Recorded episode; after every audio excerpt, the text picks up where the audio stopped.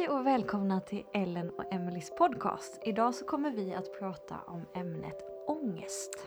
Ja, och vi vet ju att det här ämnet det är, eh, det är svårt att prata om men det är viktigt att prata om. Eh, och vi är inga experter men vi kommer delge lite våra erfarenheter och delge lite fakta som vi har läst och ge tips och lite råd. Eh, men hur som helst så hoppas vi att det här avsnittet ska få bli till nytta för någon av er, så välkomna!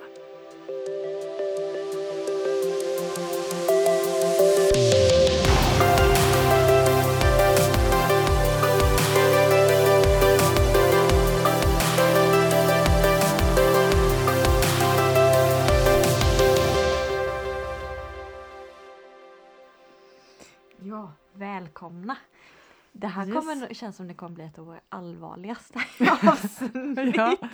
på något Ja, men sätt. vi har ju en väldigt härlig blandning på Ja, våra det avsnitt vi. och det vill vi ju ha. Vi vill Mm. ha både djupet och vi vill ha det lättsamma och, och skämtsamma också.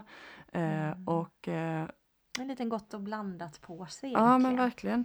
verkligen. Eh, och vi har ju försökt att förbereda oss så gott vi kan inför det här avsnittet men det finns ju så mycket att säga eh, och så många olika sidor av det här att prata om. Men vi kommer ju dra en lite generell bild eh, och vi tror ändå att det är viktigt att prata om ångest både för att liksom eh, ja men vad ska man säga neutralisera det, att det, det inte är liksom något fel på när man har det liksom. Nej, precis, att det inte Eh, blir ett så här, liksom bomb... tabu. Ja, tabu. Mm.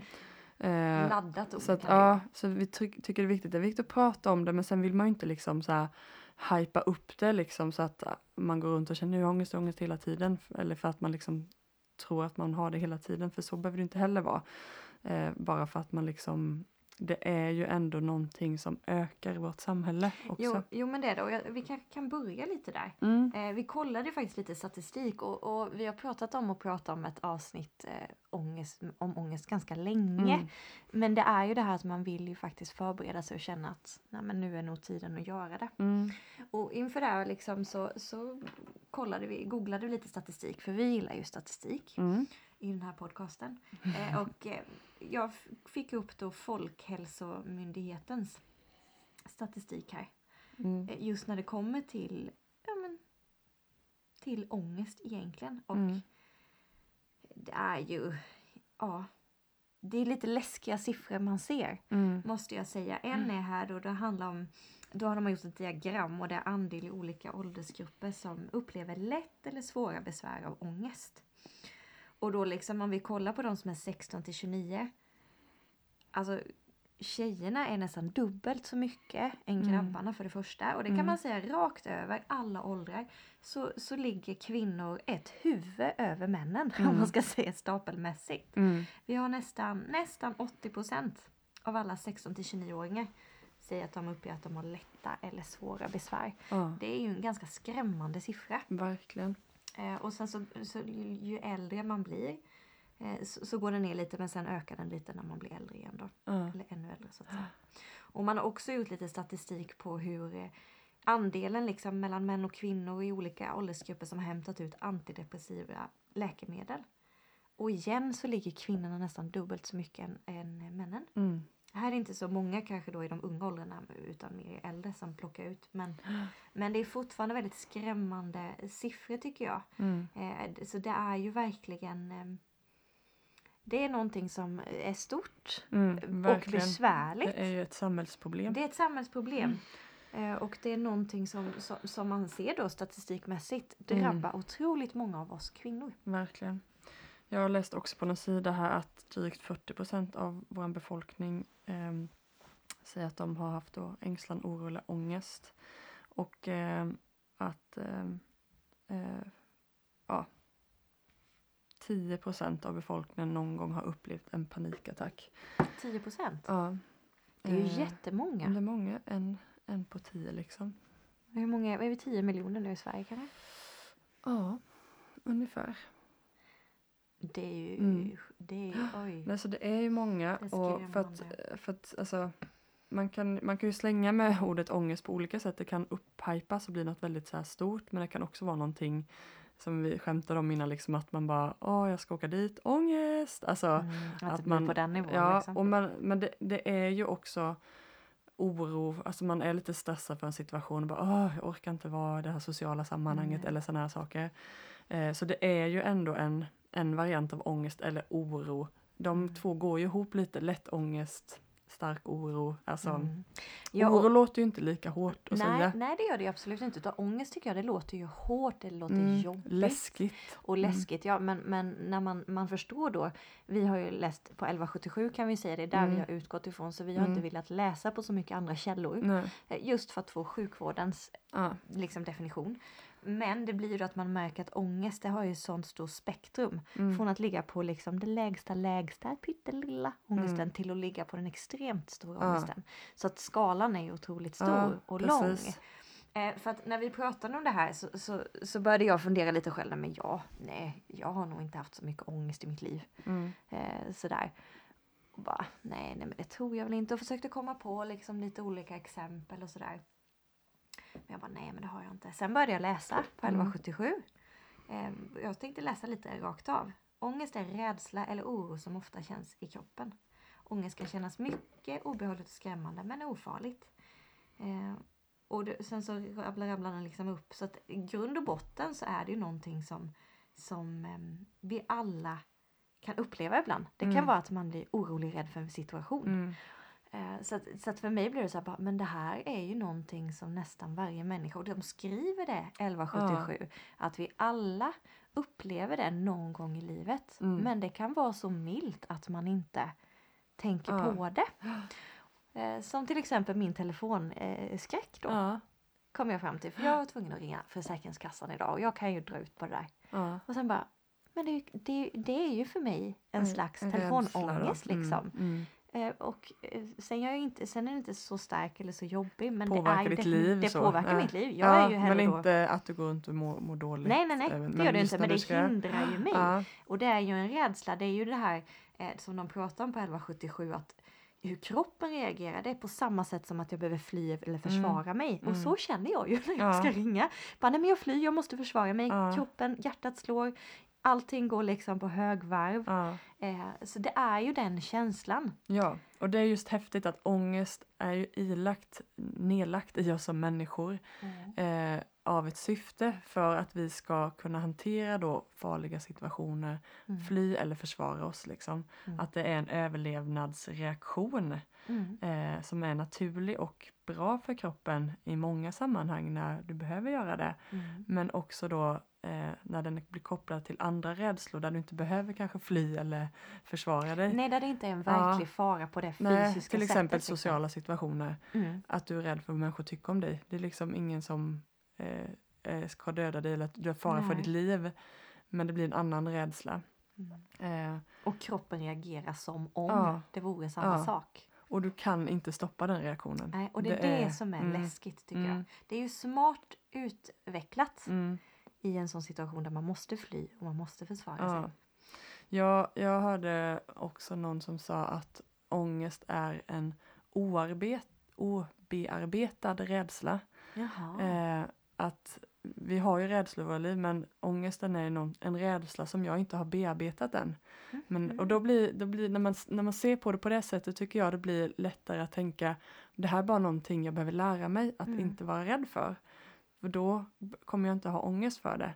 Mm. Så om jag är liksom eh, rädd för eh, att träffa dig för att jag tror att du kanske tycker någonting om mig. Mm. Du har inte bearbetat den rädslan. Nej men jag måste lita på att Emelie tycker om mig. Eller om jag är rädd för spindlar. Jag behöver Mm. bearbeta den rädslan. Behöver, så här, jag kanske kommer i en ny situation jag inte är van vid. Då kan det uppstå ångest. Eh, så att ja, men då, då känner man att det finns en lösning. Jag kan bearbeta den här rädslan. Så det, ja. Det är väldigt spännande och det Mm. blir ju lite när man kan hitta roten då till någonting du faktiskt kan förändra. Mm, För sen kan ju ångest tänker jag vara kopplad till saker du inte vill rota i. mm, Som trauman eller Ja, grejer sådär. Men precis. den var, ju, den var ju väldigt bra när det gäller min telefonångest. Ja, ja precis. Eh, eller Det är något jag kan bearbeta. ja. Eh, och vi, vi har också pratat lite om vad arv och miljö, alltså vissa av oss har ju det här lite arvsligt liksom, att vi Mm. har fått med oss det här från, eh, det ligger i våra gener att vi är känsliga mot eh, ångest eller liknande grejer. Men också uppväxt som är det här med eh, PTSD säger man va? Posttraumatiskt, ja. att du har varit med om någonting i din barndom. Eh, men det är, på 1177 pratar de också om det. Din personlighet som du föds med påverkar ju ofta Mm. hur mycket ångest du får. Eh, men det kan också påverka hur du lever. Eh, och ja, eh, den, kan påver- den kan påverkas av att du kanske är stressad eller har en depression också. Eller Mm. eh, ja, men har andra saker som är jobbiga i livet. Du sovit dåligt. Eh, sådär. Ja, och det är ju det som jag också tycker jag ångest då, om man ska prata om det, ganska komplicerat. Mm. Eh, för, för det står ju lite längre ner, skriver 1177, liksom, att den kan variera känslighet från dag till dag, situation till situation. Eh, hur, hur du har ätit, hur du har sovit. Så det Mm. är ju det är ju otroligt komplext. Mm. Eh, måste man ändå säga. Sen vet jag, jag sov väldigt dåligt för någon natt sedan. Jag sov tre timmar. Jag är Mm. trebarnsmamma. Alltså det är kaos Mm. i huvudet då liksom. Ja. Och man märker, jag är jättekänslig för, för min sömn. Mm. Och man märker då liksom den dagen hur man är Mm. väldigt känslig Ja. för just saker. Det kan vara små Ja, saker. så men, jag eh, förstår verkligen. Intryck från andra eller från världen. Ja men absolut. Ehm, och vi, vi läste också lite på olika sorters ångest. Någonting som har kommit ganska nytt för den unga generationen är klimatångest till exempel. Mm, Eh, det har inte funnits eh, som vi har burit med oss liksom vår generation, utan det kanske är lite snäppet yngre eh, som kan vara med och ha stress över det liksom. Och det finns ju många andra typer av ångest men också fobier, de kopplas ihop Ja. lite liksom. Eh, men eh, ja, Eh, Nej men det var också någonting som jag tyckte var intressant just att, att det kan handla om krig, ekonomisk kris eller klimatförändringarna liksom. Mm. Att det är så stora grejer och där är ju liksom ingen rot. Visst, du kan ju jobba med rädslan då ju mm, för de här grejerna men det är ju Mm. svårt att påverka och ta bort dem. mm, Ehm, precis. Och vissa som har hälsoångest tror att de är sjuka hela tiden. mm. Eh, och liksom inte kan släppa det, gå runt med den ångesten som typ under covid Mm. var ju jätteobehagligt för människor som har det. Ja. Eh, och ja, men existentiell ångest. Vem är jag? Var kommer vi ifrån? Vad, vad händer efter döden? Sådana stora frågor kan vara väldigt obehagliga. Och här kommer man igen in och tycker jag på spektrumet. Mm. Otroligt stort det är. På tal om liksom med hälsoångest där. Jag, hade ju, jag har ju pratat om min, min vän där som gick bort i cancer. Mm, Och det har ju påverkat mig otroligt mycket när det kommer just till hälsodelen. mm, Liksom ett tag så kände man liksom, man hade ju allt och att man kunde känna liksom att "Ah, jag har nog cancer nu. Just mm, för att det blev så nära. mm. Eh, Så det är ju verkligen, ibland är det ju ett, en, ett hjärnspöke. Det Mm. är ju en, ett spel i huvudet Mm. också som utlöser allting. Verkligen. Vad jag tyckte också var väldigt intressant eh, och läsa, för man kan ju bli så här, nej men då måste jag ju göra allting för att undvika ångesten. Mm, Då måste jag ju liksom eh, ta på mig alla rustningar, alla fasader. Mm. Jag måste mura in mig, liksom. jag måste Mm. stanna inomhus liksom. mm, Eh, men det som var intressant tycker jag när man läste att om man försöker undvika ångesten så kan den leda till tvärtom, att den blir ännu starkare just för det. dig. Mm, Så att mm, liksom vad jag förstod när man läste 1177, själva kärnan är ju att lära sig hur du hanterar din mm, ångest. precis. För det finns liksom inte heller någon, någon skräddarsydd som, eller det är skräddarsytt Mm, rättare sagt. Det finns precis. ingen en form för alla. nej, Men hantera och inte undvika. mm, Och jag tror att det är där som skon kan klämma mycket. Mm. Man vill sopa under saker under mattan. Eh, Och Men efter man har haft det, då att det, kan, det kan vara ganska jobbigt att prata om det precis efter man har haft ångest eller en ångestattack. Mm. Eh, men att liksom våga öppna upp det, för ibland kan man vara rädd att prata om det för att man är rädd att det, det kommer igen då liksom. Ja. Eh, men man liksom måste öppna det lite i taget. Man Mm. behöver inte ta allt på en gång men försöka öppna och sådär. Men vi kommer med till tipsen och råden framåt här. Mm. Men jag tänkte också på symptomen. ja, Eh, eller hade du något mer du tänkte innan det? Innan symptomen? Eh, nej, det hade jag nog inte. Jag tänkte bara då på Hannas avsnitt. Mm. Hanna våran som, som Mm. pratade innan jul här. Eh, när hon pratade om sin utmattning också. Hur Mm. det utlöstes liksom i en form av ångest också. Mm. Eh, liksom hur kroppen jobbar med det. Och då var det egentligen summa summarum dra i bromsspaken liksom. Eh, så att det, så ångest kan ju också vara en slags varnings... Precis. En varningstriangel, mm. jag säga, men Red varningslarm. Ja men lite Mm. så. Och speciellt kanske när det gäller eh, stress och, så, och sånt. Verkligen. Men du, dra lite symptom. Vad, vad händer i kroppen? Eh, Ja, ångest? Vi kör de här. Ditt hjärta slår hårdare och fortare än vanligt. Du andas snabbare och det kan kännas som att du inte får tillräckligt med luft. Mm. Du får ont i magen eller känner ett tryck över bröstet. Mm. Du blir torr i munnen och kan känna dig kiss och bajsnödig. Du börjar svettas eller känner dig varm eller kall inuti. Du kan känna stickningar eller domningar i händerna eller fötterna. Mm. Eh, Du kan känna dig yr, rastlös, darrig, skakig eller svag i musklerna. Eh, ibland börjar ångesten svagt och blir sedan starkare och starkare. Ibland kommer den snabbt utan att du är beredd. Mm. Men det är ju det är väldigt mycket grejer här. Vi pratade innan fly och försvara. Eh, som är liksom när man... Alltså man tänker att man skulle vara i skogen och det kommer en varg. Mm. Det är ju... Ja men hjärtat skulle ju gå i taket. Du skulle ju börja andas- jättefort. Mm. Skulle förmodligen få ont i magen. Mm. Vad, vad gör jag nu? Mm. Bajsnödig, kissnödig? Absolut. ja men på Ja, riktigt ja. liksom. Det, liksom. Man gör ju brallan där. Exakt. Och som du sett, alltså alla de här är ju verkligen, nu Mm. kommer vargen, jag Mm. måste sticka. Mm. Eh, det är lite intressant. Mm, verkligen. Eh, och det, jag har aldrig läst så här, symptomen så här, men just det, var, det är så häftigt när man själv har haft ångest och känna att man läser det i en mening så här, hur, hur vad man känner igen sig liksom. Mm. Eh, också få ännu en bekräftelse på vad det var man hade då liksom. Vad man, man kände. och- Ja, precis. Eh, det kanske man inte alltid sätter ord på själv så liksom, vad är det som händer i min kropp? Men det var intressant att läsa det så här. Eh, jag tyckte det var väldigt intressant. Och sen Mm. är det ju som sagt, det här kan ju vara milda grader och det går över på två sekunder. Mm. Men det är ju när det blir den eh, när det blir den riktigt starka Mm. ångesten. Mm, verkligen. Det är då det blir väldigt allvarligt och Ja. obehagligt. Eh, vi har också panikångest Mm. eh, som är då snäppet eh, värre än ångest kanske man kan kalla då eller attacken som kommer. Mm. Eh, eh, och det är ju någonting som eh, kommer oftast väldigt plötsligt eh, som en chock. Eh, det kallas panikångest eh, och kan även kallas för panikattack. Ehm, och då blir det ju liksom, det kulminerar den här ångesten i när man tappar kontrollen lite då över situationen. Annars kan du gå runt och känna en ångest, du känner det klappa lite men då blir det lite som man går in i ja, en situation där du känner att du håller på att svimma och man kan känna att man liksom håller på att dö. Att man, Mm. man blir väldigt, väldigt rädd i den situationen. Oftast kan man annars liksom, man känner av sin ångest, mår dåligt men du känner att du ändå har kontroll över situationen. Mm. Men när en panikångest kommer och en riktig attack då tappar du kontrollen och då blir man jätterädd då liksom. Och eh, Det är, Ja. ju, det är ju väldigt, jag har aldrig erfarenhet detta men jag har ehm, eh, kompisar som har gjort det. mm, Eh, och hon kände ju att jag kommer dö. mm, Så de ringde ju till ambulansen. mm, Ambulansen kom ju eh, och gjorde sina checker. Liksom bara, Nej, men hjärtat är bra, lungorna är Mm. bra. Eh, och konstaterade till slut att det var en panikångestattack. Så det Mm. här är ju... det är inte lätt att veta första Nej. gången man upplever det liksom. För att Nej, det måste vara jättesvårt.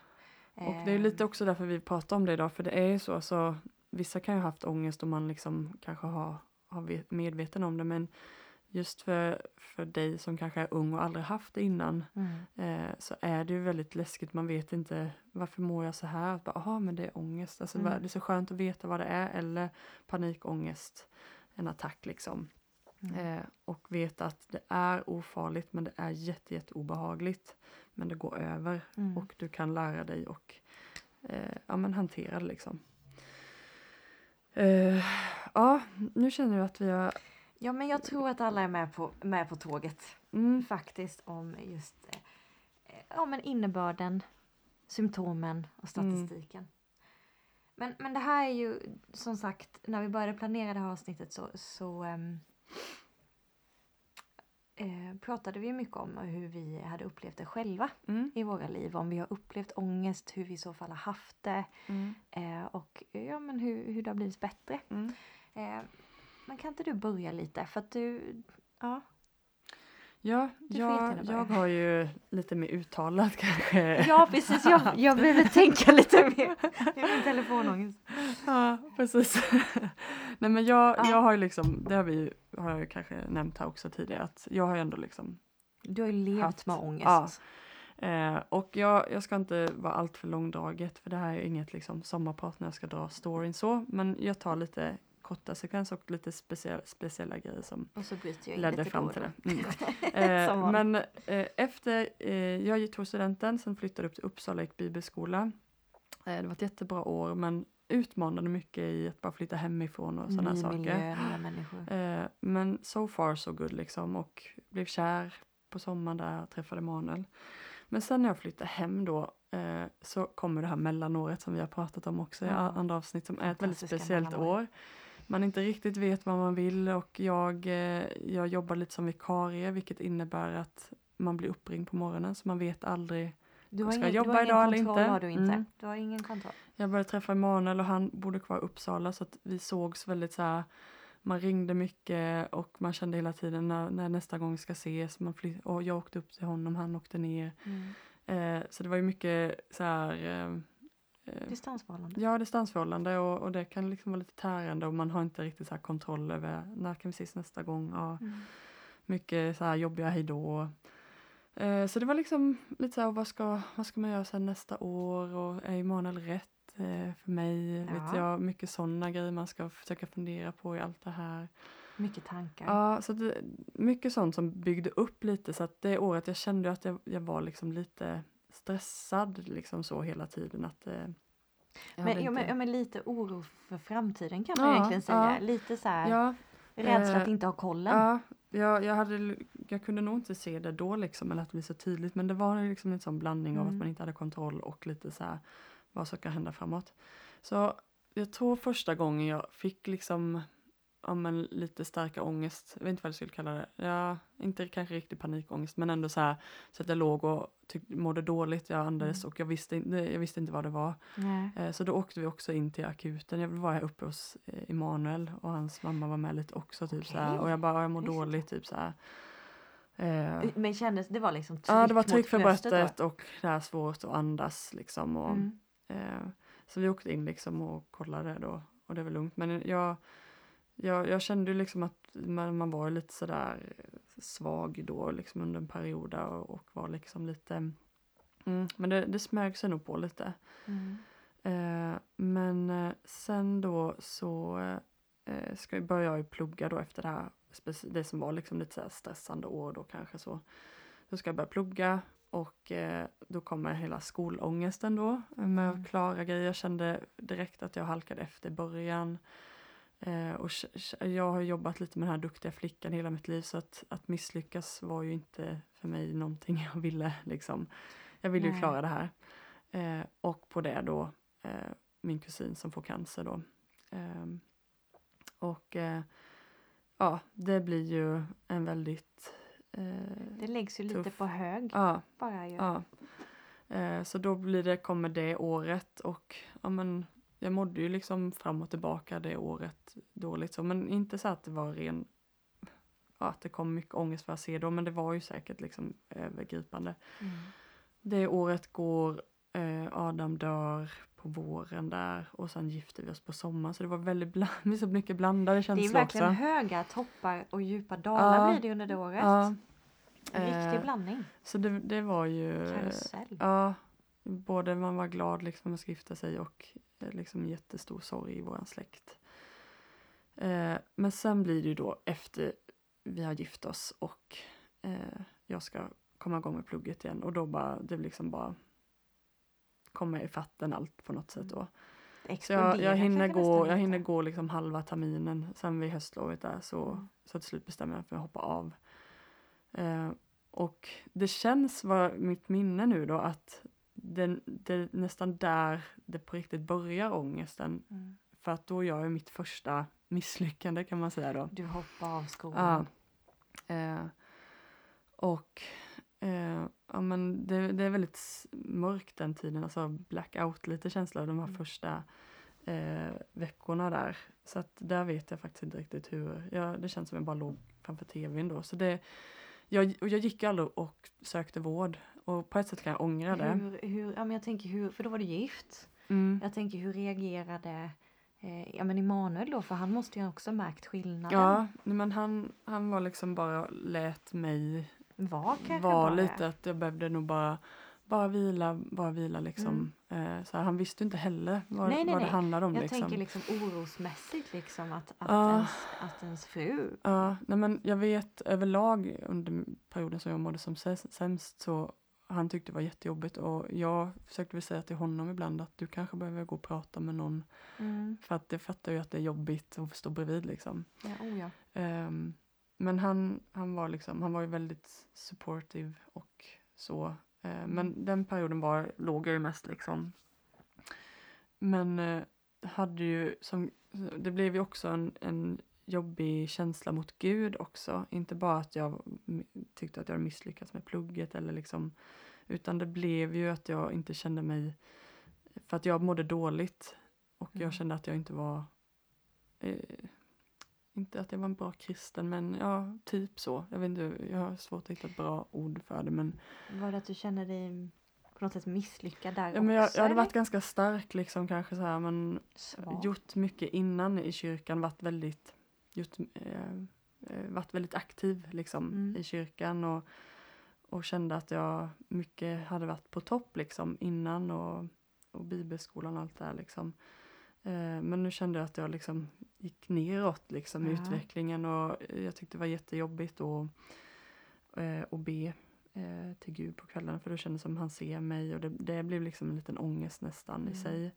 Det låter Ehm. lite som skam nästan. Ja men skam, absolut. Eh, Eh, sen är det svårt att säga liksom vad, det var att jag inte kände att jag var duktig. Jag kände inte att jag hade vad, vad jag gjort fel men jag kände att men jag, jag läser inte bibeln, jag, just att jag mådde dåligt typ. Du lever ju, du, det, känns, det låter som att du, du kände att du levde inte upp till din egen bild av Mm, dig själv. Precis. Eh, Och jag kände ju att, att Guds kärlek till mig eh, bara eh, handlade om vad jag gjorde. Ja, prestationsbaserad Mm, då. mm. Mm.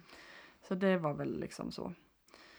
Eh, men tillbaka att jag, jag inte gick till, till vården för jag, det var sån, det var ju sån stämpel av misslyckande att gå och söka vård. Så Mm. jag ville, det var ju att jag inte ville acceptera det riktigt heller då, att jag mådde dåligt. Nej precis, för aktivt, aktivt att söka vård Mm. innebär ju att du aktivt också Erkänner. faktiskt erkänner för dig själv att Mm. jag är här. Mm. Och det är ju ett jättestort kliv, så Mm. det är ju förståeligt. Och det, ja men jag, jag, alltså jag, jag kände där och då, jag fixade inte att gå och prata med någon. Och eh, jag, jag skulle ju egentligen velat att jag gjorde det på ett sätt nu i efterhand men nu, nu gick ju allt bra liksom så.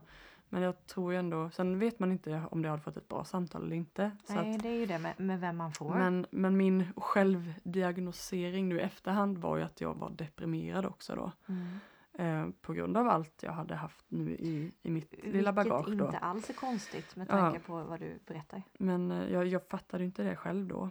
Men, men, men om vi går tillbaka då, jag blir lite nyfiken. Mm. Då. Vi, vi, vi berättade just för alla lyssnare eh, de olika symptomen av Mm. ångest och du sa jag känner igen mig. Mm. Du, du sa att du hade tryck för bröstet, Mm. den var ju ganska tydlig.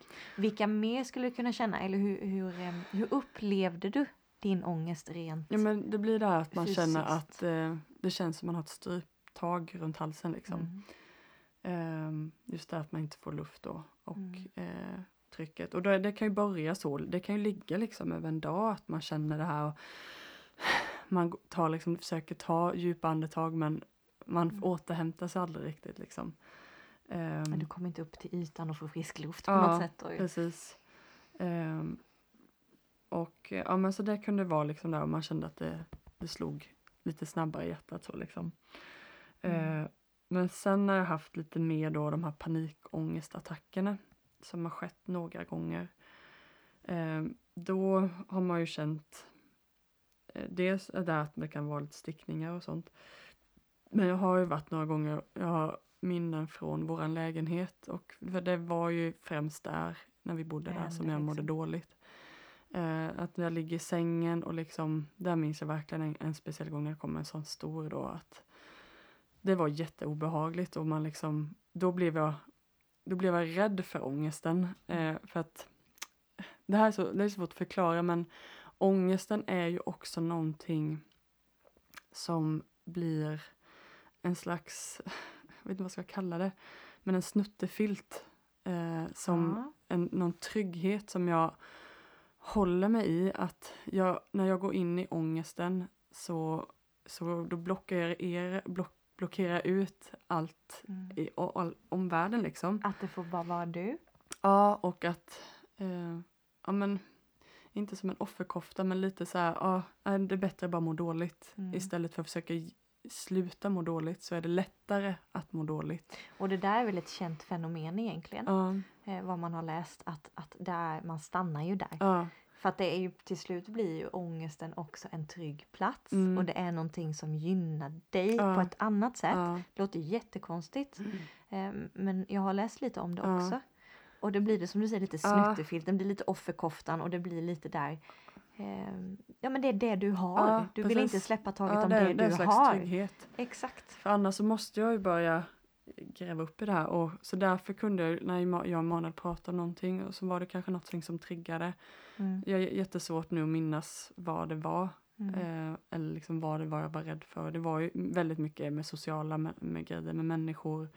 Att jag inte liksom, att människor inte tyckte om mig. Mycket sånt var det, men andra grejer kunde också vara. Mm. Men då började jag att jag började andas lite så här eh, annan andning. Mm. Eh, och sen började jag rycka lite också. Och det var på något sätt, eh, ja, men, eh, jag kände att jag gjorde det medvetet. Men när, eh, för att det blev på något sätt eh, skön känsla i kroppen av att jag ryckte till lite när jag hade det. För att då Mm. blev det någon, ah, jag, vet, jag, jag kan inte förklara varför men Men Ibland eh, reagerar bara kroppen på Ja, något sätt. och men, men, men ju mer jag gick in i det, gick dju- djupare ner i det, till slut kunde jag liksom in, då kunde jag ändå kon- kontrollera det i början. Jag kunde kanske sluta om jag ville rycka eller andas. Men till slut blev det då att jag, Tappade jag tappade och blev det att jag åker med och då eh, och det kunde jag ju liksom göra.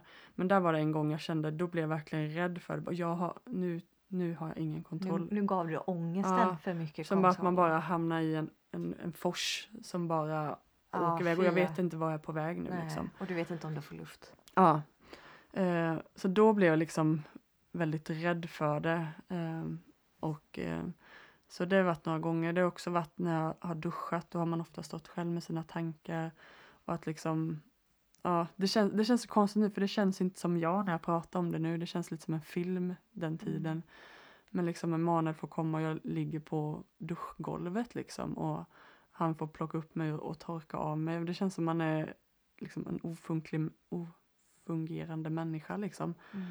Ehm, och han har fått sitta mycket med mig då och hjälpa mig ur eh, ångestattacken, hjälpa mig att andas ur det Mm.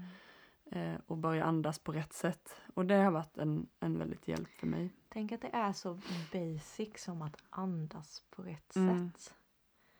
Ehm, det, för det är ju liksom, det gör vi ju utan att tänka på det. Ja, Men när kroppen hamnar då så djupt då handlar det om att programmera om, för att prata i din Ja. termer, och liksom börja med att andas. Ja. Liksom. ja men det är verkligen så. Mm. Ehm, ja, så att det, det, det, var, det var en tuff period och sen, sen kom, kom det en slags vändning. Jag, jag började jobba som lärare.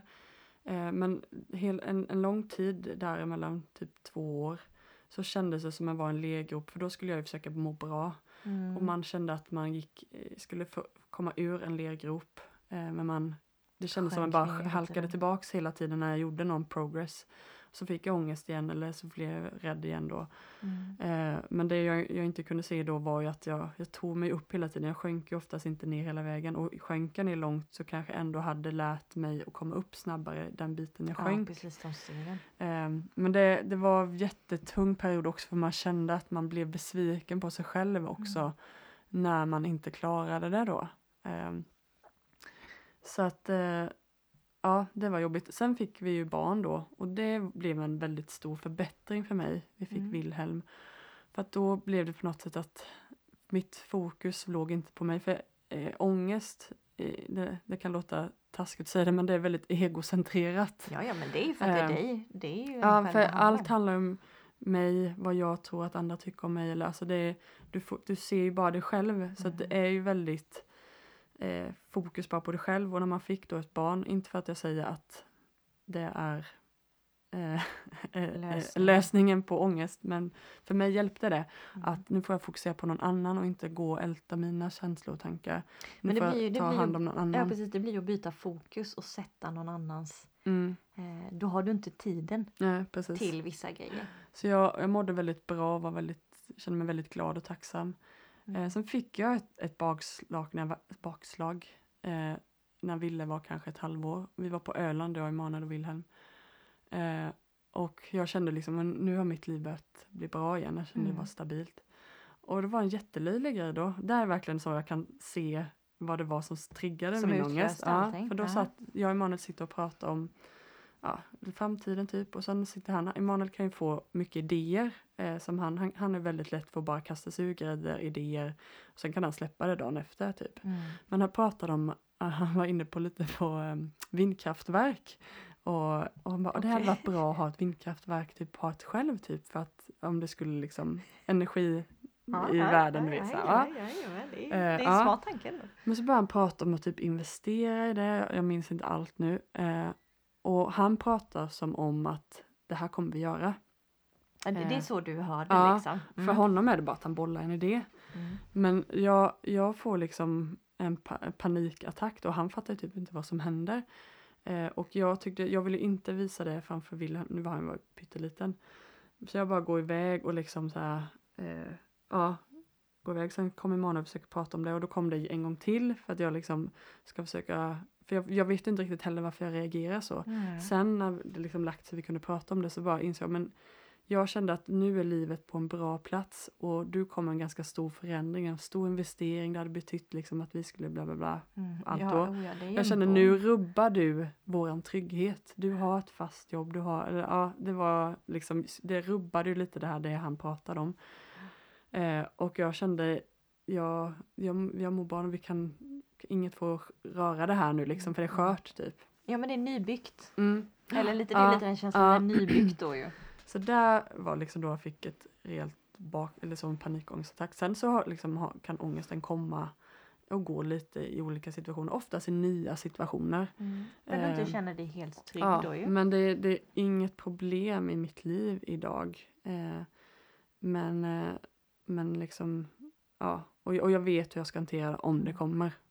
Så skulle jag säga. Men det är ju, det är ju jätteskönt. Du har ju lärt dig då låter det som att hantera Mm. ångesten och inte undvika den. Ja. Och för mig har det varit också jätte, jättemycket tack vare Emanuel. Mm. För han har inte varit rädd för att ta tag i det. Sen har han tyckt det varit jätteobehagligt och inte vetat vad han ska göra för han har inte kunnat. Han har inte Nej haft men någon han har kunskap. ju inte den kunskapen. Men han, han hjälper mig framför allt med andningen. Och Mm. det är just för att ta mig ur det och sen att vi pratar om det. Mm. Men just att han, han andas. Att Och han andas, och då, efter, ja, och då, eller? ja, och då bara lyssnar jag. Jag ska bara, jag ska bara imitera honom. Jag ska bara Mm. exakt som han gör. Eh, och ibland så, och det, det gör ont att ta sig ur när man har börjat att andas så här, hyperventilera. Så gör det fysiskt ont att börja andas på det bra sättet. Mm. Så det blir så, ah, jag orkar inte, jag orkar inte kämpa mig ur det. Det är som något sliter i en liksom. Det är ångesten som har ett sånt hårt grepp då ju, Ja. tänker jag.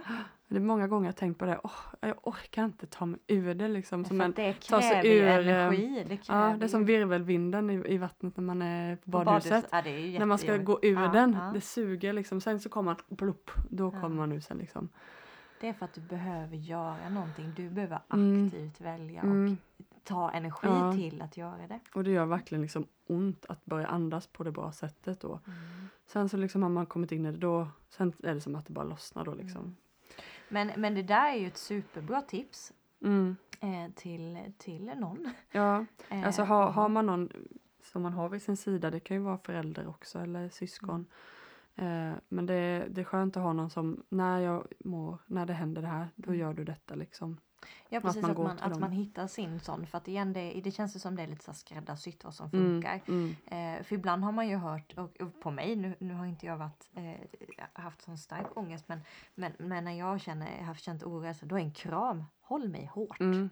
Som kan utlösa liksom tillräckligt bra med, med snälla kompisar i kroppen för att Mm, jag faktiskt ska kunna exakt. faktiskt sucka ut lite. Mm. Så det är ju mycket, kan vara mycket fysiska grejer då man Ja. kan göra för att bara bryta Mm. egentligen Ja men verkligen. ångesten. Det finns det verkligen. Ja, wow! Eh, ja, det var min lilla resa. Alltså eh, tack Ellen för att Ja. du delade. Det här är det är saker som jag inte heller visste om. Nej, kanske pratade på det på ett annat sätt idag. Ja, det gjorde du. Eh, men jag vill också säga det att det finns hopp för dig som har ångest. Det kan jag erfara. Mm. Men, eh, men eh, hur ser Nej, din eh, lista- ångest ut? Om du har... nej men alltså jag, jag, jag har nog aldrig tänkt mig som att jag har ångest. Mm. Det har jag nog inte gjort. Och nu, nu under tiden du pratade så funderade jag på liksom, för att jag inser ju att jag har ju haft det Ja. när man läser liksom Ja men alla symptomen och Mm. liksom med oro och rädsla då märker man bara men Emily det har du ju haft. Mm. Kanske inte så starkt eh, ångest så att det har lett till en panikångest eller Mm. i det hörnet men absolut det har man Mm. ju haft.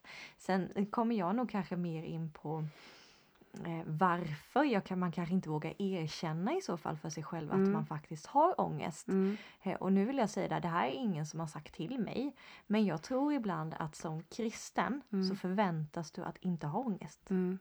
Eh, det, är, det är ingen som har sagt till mig det, absolut Nej. inte. Och det är inte att mina föräldrar har packat på mig det eller Nej, eller min församling eller någonting så är det inte utan det har bara varit en underton som har fastnat i mitt huvud Mm. att nej men kristna, Vi ska ju vi må så bör bra. inte Ja. ha det. Vi ska vara glada och må bra. Exakt Mm. eh, och jag tror att det här kanske är en liten grej vi behöver slå hål på. Mm, Eh, för att alltså jag bara satt, nu funderar jag bara liksom på när, när Jesus var i Getsemane, Getsemane, Gets- den trädgården. Man... Nej, nu, nu går det inte säga Den det. där trädgården i alla fall. eh, där, där han ber med sina lärjungar liksom. Det här är innan han, han ska dö på korset för våra skulder, för våra synder. Och den, den, den ångesten som han Mm, känner där, han, han svettas blod. precis. Exakt. Hör ni liksom? Ja. Han svettas blod för han var människa. Mm, Eh, vilket betyder att Jesus, nu skulle han ju göra någonting som ingen av oss människor ens kommer vara i närheten av. mm, Så, så den ångesten kan man ju inte ens mäta sig Mm. med. Men han kände ångest. exakt. Eh, och han har ju känt alla grejer vi har känt, Mm. står det ju i Bibeln. Mm, Och då blir det en sån, för mig blir det ju nästan lite då en lögn att en kristen inte kan ha ångest. mm, precis. Vi måste ta hål på den. Eh, sen behöver vi inte bli super att vi ska slänga oss med det begreppet överallt. För Mm. det tror jag att det kan bli negativt på ett annat håll. Men, men jag inser då hur jag själv har lekt med det. Nej men allt är bra, allt är mm, bra. mm. Eh, men sen har det ju inte, är det ju inte så. Nej. Och speciellt kanske inte de här fem åren då det har varit de tuffaste åren i mitt liv. Det är Mm. självklart att jag har haft ångeststunder. Eh, men jag inser nog inte det och jag har nog varit så upptagen med allting som händer. Så Med att jag- överleva. Ja men lite så. Sen kan jag titta tillbaka när jag hade utmattningssyndromet. Liksom. Jag känner igen det här tryck mot bröstet. Svettningar speciellt när jag kom bland socialt. Mm. Eh, då slogs det ju på direkt liksom. Ja. Eh, med hjärtat så var det jobbigt, jag blev trött. Eh, ja men alla de grejerna kom så, så, så då, då hade jag mycket. Ja. Mycket av det.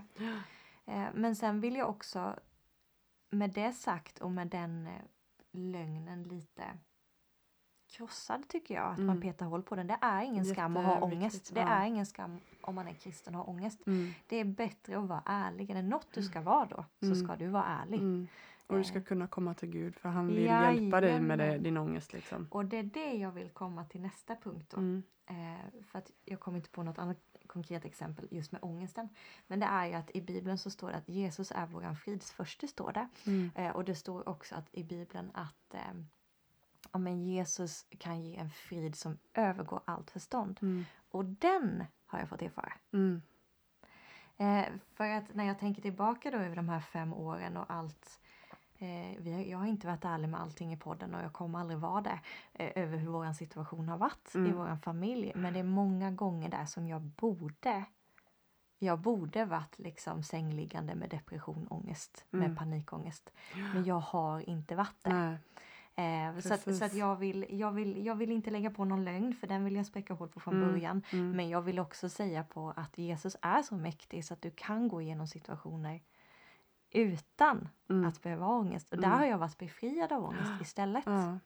jag, vill bara, ja, men jag vill bara skicka med den. Mm. Eh, att ehm, man kan också uppleva den här friden som övergår allt förstånd. Det makes no Mm. sense. Du borde vara så sjukt eh, psykiskt påverkad av det Ja. här. Liksom. Ja, Eh, jag, jag, härligt. ja, jag kände jag ville bara skicka med den lite i Mm. vårt avsnitt Mm, också. jättebra. Ehm, men det är, ju, det är ju inget att leka med och det är någonting som jag eh, som jag vill trycka mycket på det är att söka hjälp. Det här är en till grej som, som, som är så tabu och det finns, det finns tid och rum. Det hör vi med din historia. Mm. Det finns tid och rum. Jo, men jag, jag, jag sökte inte hjälp av vården men jag träffade ju eh, våran pastorsfru. mm, då eh, tog du ju för, hjälp också. Eh, för mer Själavård. själavårdssamtal. för det var, kändes lättare för mig.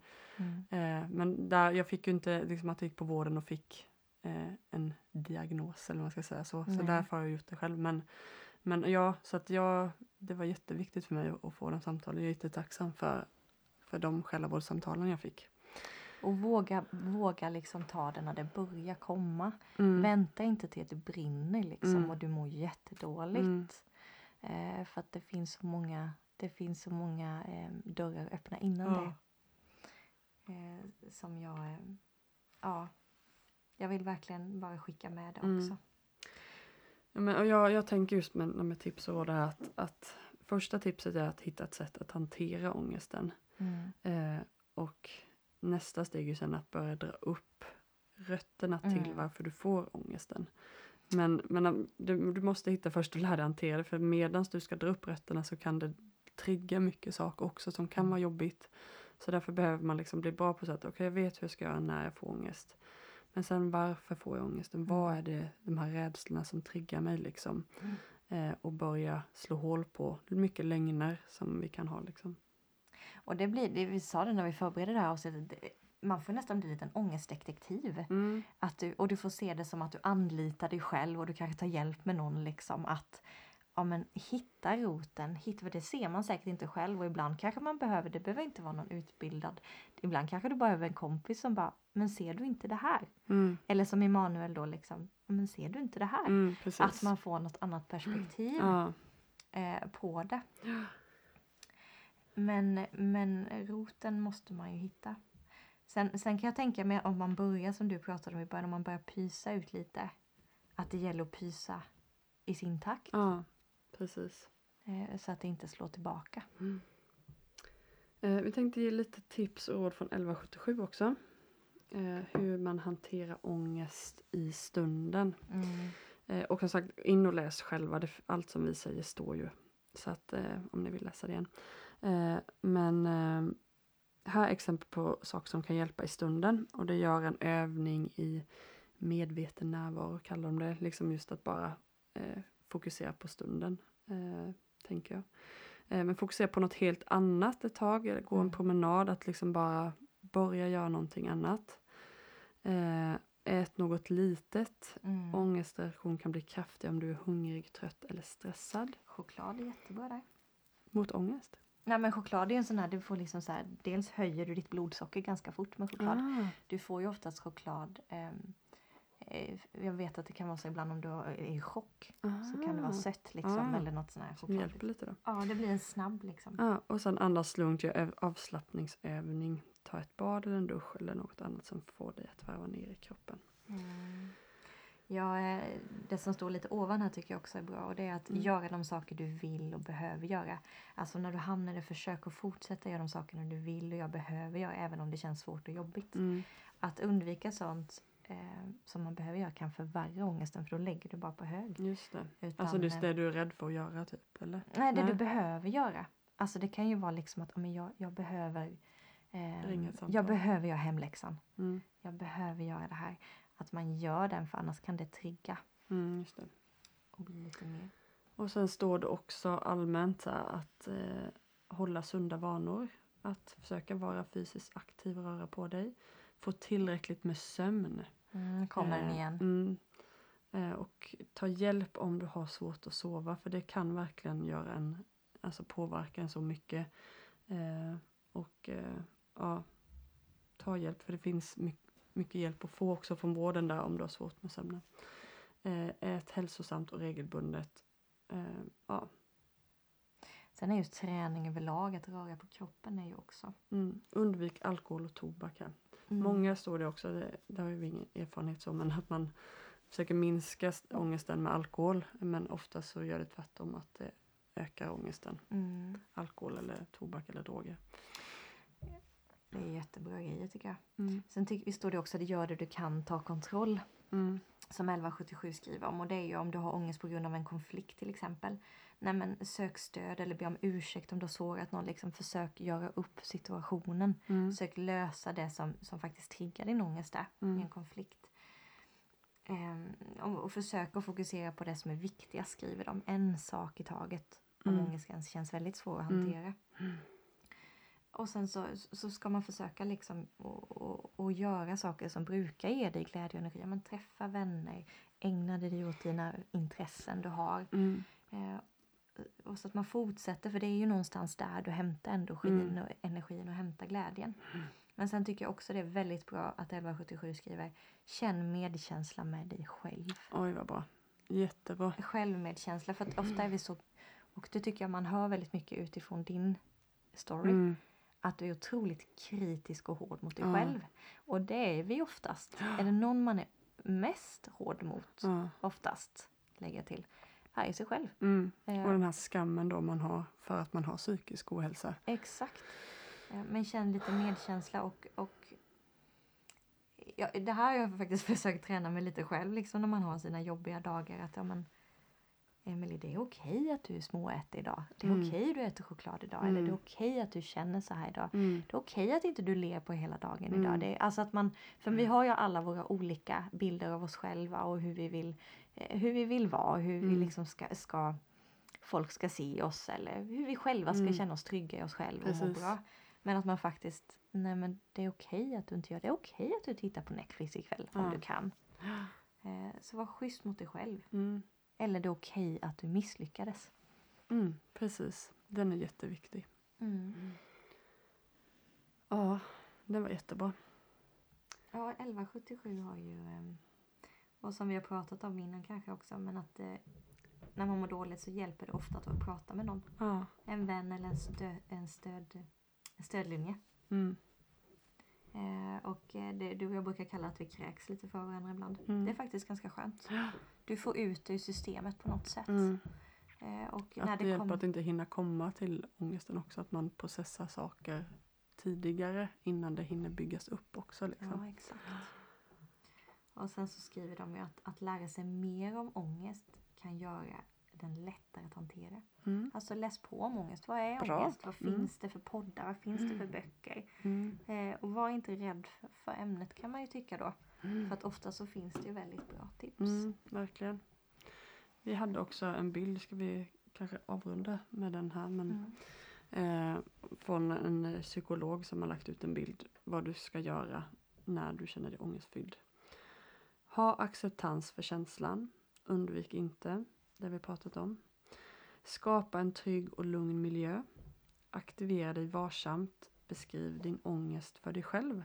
Också väldigt bra att du spännande. försöker förklara vad är det jag känner nu, varför känner jag så här. Sätta ord på det. Eh, Men om man har mycket stark ångest då, då ska du träna hårt och trötta ur kroppen. Mhm. Distrahera dig eller kallbada, duscha i kallt då. Att det chockar kroppen lite just när, om du får den här ja, typ ångestattack eller det kanske, då Mycket kanske det är svårt att typ gå och träna. Men, Men, men snäppet innan ja, det kanske. ja. Mycket starkt. Och det är intressant igen hur det handlar om fysiska grejer. Mm, du behöver få ur det där ur kroppen. Liksom. systemet. Ja, Det är, som det vid faran, Ja, som du ska egentligen springa. man ställ dig på löpbandet liksom. Ja, din kropp är fylld med väldigt mycket Mm. typ adrenalin, jag vet inte. Jo, men kallbada. Jag, jag badade utomhus idag. Just det. Det blir en kick kan jag säga. Ja, Du, du chockar kroppen. ja. Men det, den, är, den är ju jättebra. Mm. Ehm, jag vill bara tillägga på slutet igen. Vi är verkligen inga experter eh, på när det kommer till ångest och sånt. Vi ville bara dela med vad vi har, eh, vad vi har läst på. Och tack Ellen för att du delade din Mm. story idag. Det var jättemodigt. Eh, Tack. Och, eh, nej men ta, ta till i det liksom och vi vill bara säga ni är inte ensamma om Mm. ni känner det här. Mm. Eh, och det finns olika stödgrupper. Prata med någon och ju mer vi pratar med varandra desto mer kommer Mm. inse att ja men du känner ju likadant. Mm. Man är oftast aldrig ensam. Mm. Och, och det som ångest vill göra med oss också, det är att få oss att känna att det finns inget hopp. Nej. Det finns inget sätt som det här kommer, jag kommer alltid ha det så här, så tänkte jag så många gånger. Eh, Finns så, ingen väg så ut. tappa inte hoppet på resan. Det, Mm. det får kännas skit och att det får kännas att det aldrig kommer bli bra men liksom släpp inte tron om att du ändå kommer kunna hantera ångest eller kunna bli fri ifrån den. Mm. Ehm, och eh, ja, men sök hjälp. Gå inte och håll det inom dig och tänk att ah, jag, ska inte, jag ska inte lägga min ångest på någon annan eller tynga någon annan. Ibland kan det vara att, att man är för, för snäll mot och tycker jag vill inte tynga ner någon annans liv med, med min skit. Mm. Eh, men människor vill, vill hjälpa. Mm. Och eh, vården finns alltid där men människor vill, vill finnas där. Vi behöver varandra. Och det finns ingen skam i det. Nej. Ingen skam alls. Mm. Tack för att du har lyssnat det här långa avsnittet. snittet. Vi vet att det kanske inte är ett avsnitt som alla behöver lyssna på. Men för dig som verkligen behöver lyssna så ville vi göra ett lite längre avsnitt där vi Mm. får med allting. Eh, Så eh, ja, vi vill eh, önska er en bra vecka. Mm. Ta hand om er. Ja. om er. Mm. Ha det gott.